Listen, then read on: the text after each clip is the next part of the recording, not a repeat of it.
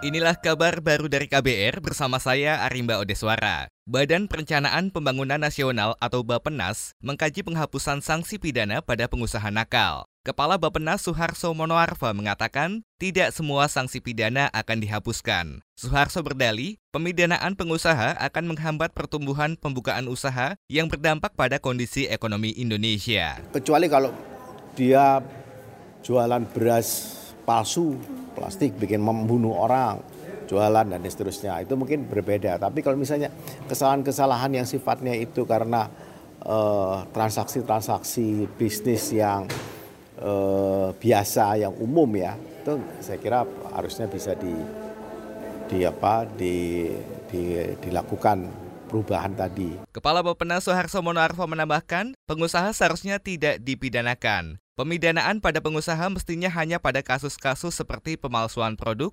kriminalitas, dan sebagainya. Sementara itu, Menko Perekonomian Airlangga Hartarto mengatakan, sanksi penghapusan pidana bagi pengusaha akan dimasukkan dalam Omnibus Law Iklim Usaha. Kita beralih ke informasi selanjutnya. Anggaran pendapatan dan belanja negara APBN 2019 mengalami defisit lebih dari 360 triliun terhadap produk domestik bruto atau PDB. Data itu merupakan catatan per akhir November lalu. Menteri Keuangan Sri Mulyani menyatakan, Pelebaran defisit terjadi karena rendahnya penerimaan pajak. Realisasi penerimaan pajak hanya tumbuh 0,8 persen. Namun pertumbuhan penerimaan pajak tahun ini lebih rendah dibanding pertumbuhan tahun lalu. Sampai dengan akhir November, estimasi pelebaran defisit kita yang dari 1,84 persen atau 296 triliun akan melebar menjadi 2,29 persen dari GDP atau 368. Namun, ini posisi akhir November. Meski begitu, Menteri Keuangan Sri Mulyani optimis posisi defisit berpotensi berkurang pada akhir tahun, yakni mendekati 2 persen. Ia beralasan di pertengahan Desember sudah bergerak ke arah itu. Penyusutan defisit didorong kenaikan pertumbuhan penerimaan pendapatan dan optimalisasi belanja.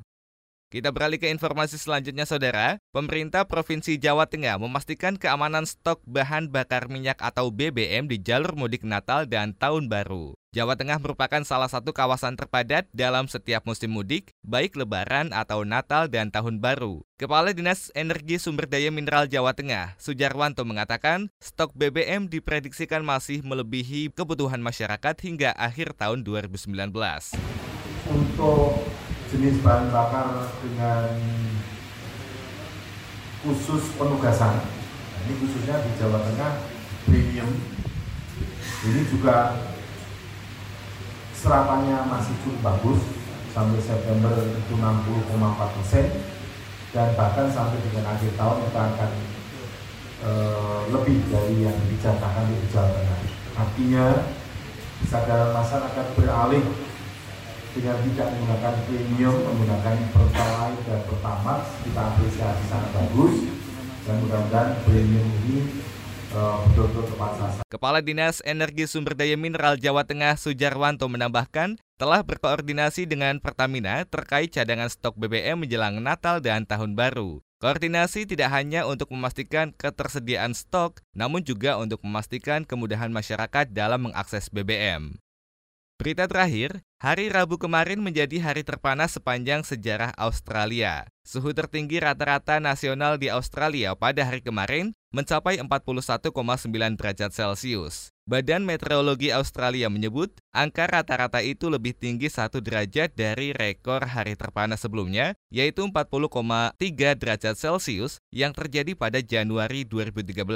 Badan Meteorologi Australia juga mencatat temperatur tertinggi pada Rabu kemarin mencapai 49,8 derajat Celcius di kawasan kota Eukla di barat Australia. Ini memecahkan rekor temperatur kota terpanas sebelumnya, yaitu 49,5 derajat Celcius di kota Birchville, Queensland pada sekitar 40 tahun lalu. Demikian kabar baru dari KBR, saya Arimba Odeswara.